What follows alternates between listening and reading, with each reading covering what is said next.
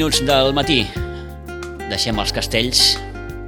Anem a parlar una miqueta de, de les biblioteques. I ho fem, com sempre, en companyia de la Marta Sánchez, que la tenim ja a la pantalla. Marta, bon dia, bona hora. Hola, bon dia. Què tal? Bé, bé. Què podem dir, no? Què podem dir? Que estem bé. Què podem sí. dir? Que estem bé, que estem bé. Sí, sí. En fi, ha començat aquest 2021. Mm, et demanaria un, d'entrada, Marta, un, un desig per aquest nou any a les biblioteques.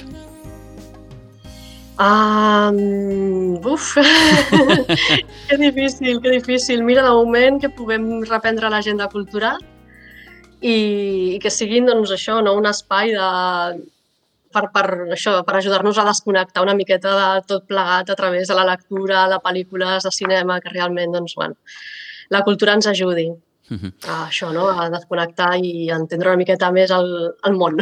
Ha estat un 2020, Marta, mm, molt complicat per tothom, però ja que parlem de, de les biblioteques, clar, les biblioteques tampoc se n'han se n'han lliurat. No, clar, però vaja, mm, som uns privilegiats amb la feina que tenim i per la feina que estem fent, no? d'això, no? de, de ser conscients de que estem tenint aquesta funció també important d'apropar llibres, d'apropar, doncs això, no? que deia, aquesta desconnexió a, a les persones, però sí que ha sigut complicat per tothom. Sí, sí, això no? d'haver d'estar doncs, bueno, seguint aquests protocols que tots al final ens acostumem, però no deixen de ser emprenyadors, per dir-ho així. I bé, doncs, seguint aquests protocols molt al peu de la lletra perquè realment doncs, siguem llocs segurs. I clar, i ara doncs endavant, i ara un pas enrere, i bueno, doncs, vaja, com, com tothom, sí, és que... Mm.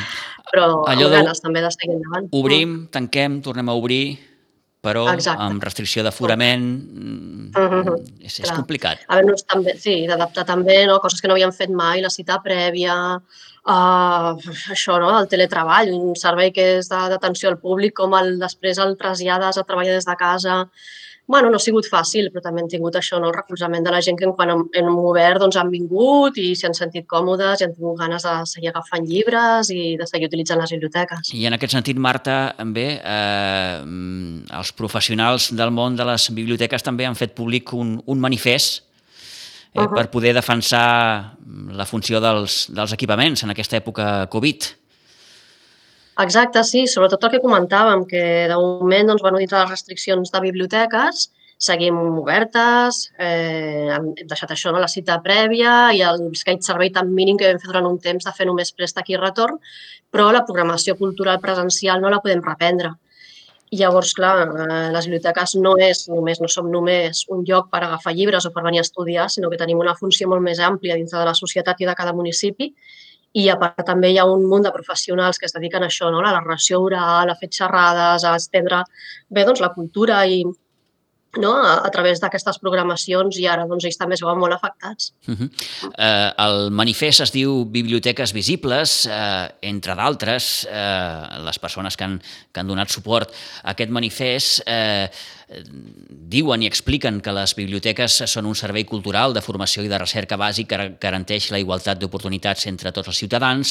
A les biblioteques es facilita l'aprenentatge, la descoberta i la generació de nous discursos que enforteixen les nostres comunitats i apoderen els ciutadans a través de la cultura i el coneixement. Les biblioteques són una inversió ciutadana que enforteix la societat del benestar i que genera un moviment econòmic important en el sector cultural, gairebé 400.000 euros mensuals només en activitats presencials culturals i acaba dient també que les biblioteques són espais segurs que compleixen totes les mesures sanitàries i higièniques establertes pel Procicat, igual que tots els equipaments que es mantenen oberts. A partir d'aquí, caldrà veure, Marta, com, com evoluciona tot plegat i si de cara a les properes setmanes, digue-li setmanes, digue-li mesos, es fa tan difícil, tot, No, pot, tot, tot pot tornar més o menys a, a lloc. Sí, és el que esperem. I et dic, clar, les biblioteques també són llocs, i ara és molt valorable, no?, de, de trobada i de trobada segura. Les últimes activitats que vam fer, les, bueno, des del mes de març que vam tancar, durant el mes d'octubre, doncs bé, això amb aforament limitat, amb inscripció prèvia, Eh, bueno, seguim instruccions, no farem més, evidentment, del que se'ns permeti, però almenys amb aquest manifest doncs, sí que fer constar la nostra funció important i aquest recolzament també als professionals de, bé, de la cultura que venien a la biblioteca a fer els seus espectacles, les seves narracions. Mm -hmm. Marta, què es podrà fer aquest mes de gener? Doncs mira, el mes de gener tenim preparades diverses coses, Sí? tenint en compte que no podran ser activitats presencials, ni clubs de lectura, ni hores de compte presencials, ni xerrades, ni presentacions, però no deixem de treballar, evidentment. Entre les coses que es podran fer serà tenir programades dues hores del compte virtuals per mirar-les doncs, des del sofà, en família.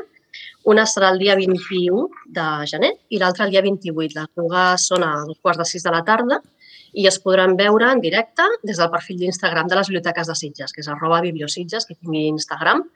I doncs és una estoneta per passar això en família, des de casa i escoltant i veient uns espectacles adaptats en aquest nou format virtual, que no és el mateix, evidentment, que fer-ho cara a cara, no? la participació dels nens i amb, i amb la companyia d'altres nens i nenes, però bé que tenen, que tenen força seguiment. Si no es poden veure en aquell moment en directe, després queden penjades al perfil d'Instagram per també disfrutar-les i les visualitzacions realment són moltes. Molt bé, però en qualsevol cas, tornem-ho a apuntar amb aquestes hores del compte virtuals, tant el dia 21 com el 28 d'aquest mes de gener, a partir de dos quarts de sis de la tarda, a través de l'Instagram de les biblioteques de Sitges, arroba bibliositges. I com molt bé explica la Marta, si no es pot veure allò en directe, doncs allò queda queda penjat i, per tant, es pot veure en qualsevol altre moment del, del, del dia.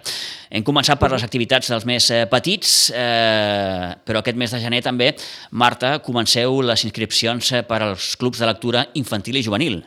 Exacte.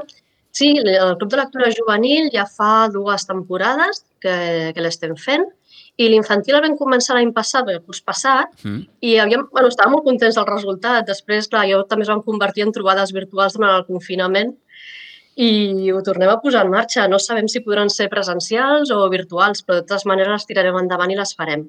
Llavors hi ha dos clubs. Un és el Club de Lectura Aurin, potser algú li sona, és la Sí. medalla de la interminable i hem pensat que era un nom que bé, té la seva explicació perquè el club es digui així. És per nens i nenes de 10 a 12 anys i el que llegirem seran tres llibres, llegirem i comentarem, llegirem els tres llibres que participen en el, en el Premi Atrapallibres. I pels més grandets, de 12 a 14 anys, tenim el Club Protagonista Jove, també seran tres llibres, que són els que participen en el Premi Protagonista Jove. Aquest premi està convocat pel CLICCAT, Consell Català de Llibre Infantil i Juvenil, Uh -huh. i la cosa és que els nois i noies que hi participin, a part de participar en un club de lectura, estan fent de jurat. Aquestes tres, les, les tres novel·les que llegiran cada, cada grup estan triades pel CLICCAT, amb una sèrie de- d'experts, que són novel·les que, que és que ens enganxen seguríssim a tots, eh? i els nois i noies, doncs, evidentment que també. Eh, llavors, ells això, les llegim, les comentem, i ells otorguen al final de tot uns punts, per tant, estan fent de jurat entre tots els grups de, d'aquests premis que s'hagin format en diferents escoles, instituts, biblioteques, surt el premiat. Per tant, no és només participar en un club, sinó que té també aquest objectiu d'entre tots premiar un llibre en la seva categoria, de 10 a 12 o de 12 a 14 anys. Qui el vulgui inscriure, doncs, bueno, li garantim això, bona lectura. Si poden ser presencials, doncs també formar un nou grup d'amics o de coneguts de la seva edat i si són virtuals, doncs igual. Eh, Al final ens veiem les cares igual i tothom dona, pot donar la seva opinió. I per apuntar-se, doncs, bueno, presencialment a les biblioteques, per telèfon, correu electrònic, a través de xarxes o a través de la plataforma inscribirme.com. Molt bé. Doncs hem continuat per aquest eh, club de lectura infantil i juvenil a les eh, biblioteques de Sitges per aquest mes de gener i els recordem que eh, per cinquè any, eh, Marta, hi ha aquesta, aquesta activitat, aquest concurs de lectura que es diu Puja el tren. També aquest segueix amb inscripcions, de fet... Fins al maig, crec, no? És fins al maig, sí, s'acaba el maig, però si algú s'apunta al març, doncs no hi ha problema. Uh -huh. Aquí el repte és lle- llegir tres llibres, eh, venir a la biblioteca quan estigui acabat per tornar-lo i llavors en aquell moment li fem una pregunta. Si se l'ha llegit, són preguntes fàcils, que de seguida se saben, eh? No, no, no. Que ningú pateixi. I llavors li, li marquem el segell la seva, la seva, en el seu títol de transport i al final doncs, entra en un sorteig qui hagi llegit aquests tres llibres. Com més temps tinguin per llegir, més llibres llegiran i més oportunitats tindran per ser els guanyadors d'aquest premi. La qüestió és llegir també llibres que s'han triat entre tots els bibliotecaris referents de les sales infantils de les biblioteques del, del Penedès i del Garraf i passar bones estones llegint. Poden triar entre diferents línies de viatge, hi ha la del terror, la d'aventures, la de la vida quotidiana, la dels clàssics. Poden fer tantes parades com vulguin poden canviar de línia en el moment en què vulguin. Per tant, és una, una lectura molt lliure però amb unes lectures molt recomanables. Doncs el concurs de lectura puja al tren per a nois i noies a partir dels 9 anys fins al 31 de maig, encara tenen mesos per, per, sí. per endavant. Eh, Marta, heu fet un top 15 del que han estat les novel·les més prestades a les biblioteques.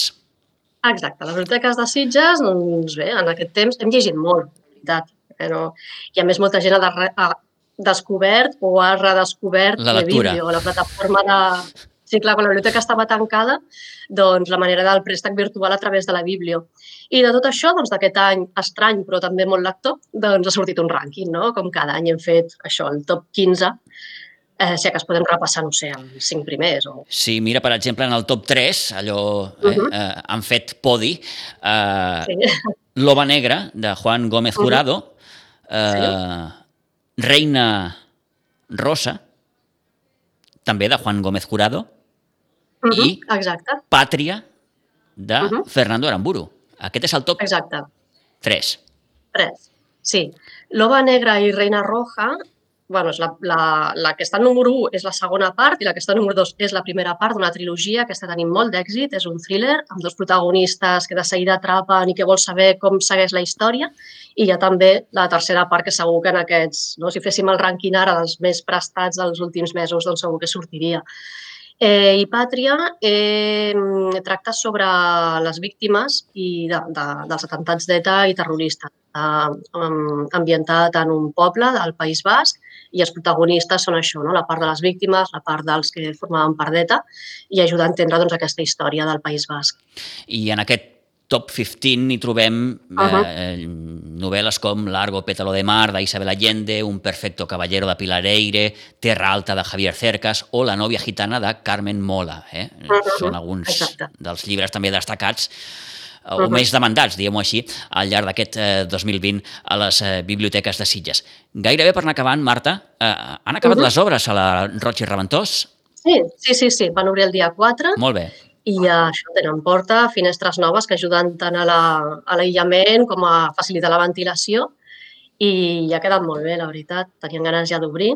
A la biblioteca recordo la Roig i Reventós, que de moment es pot fer préstec i retorn, i accés lliure a la secció d'adults, a l'infantil encara no. Molt bé. Recordem ja per acabar horaris... Eh? Sí, mira, els horaris. Tenim uns horaris complementaris entre les dues biblioteques. Sí.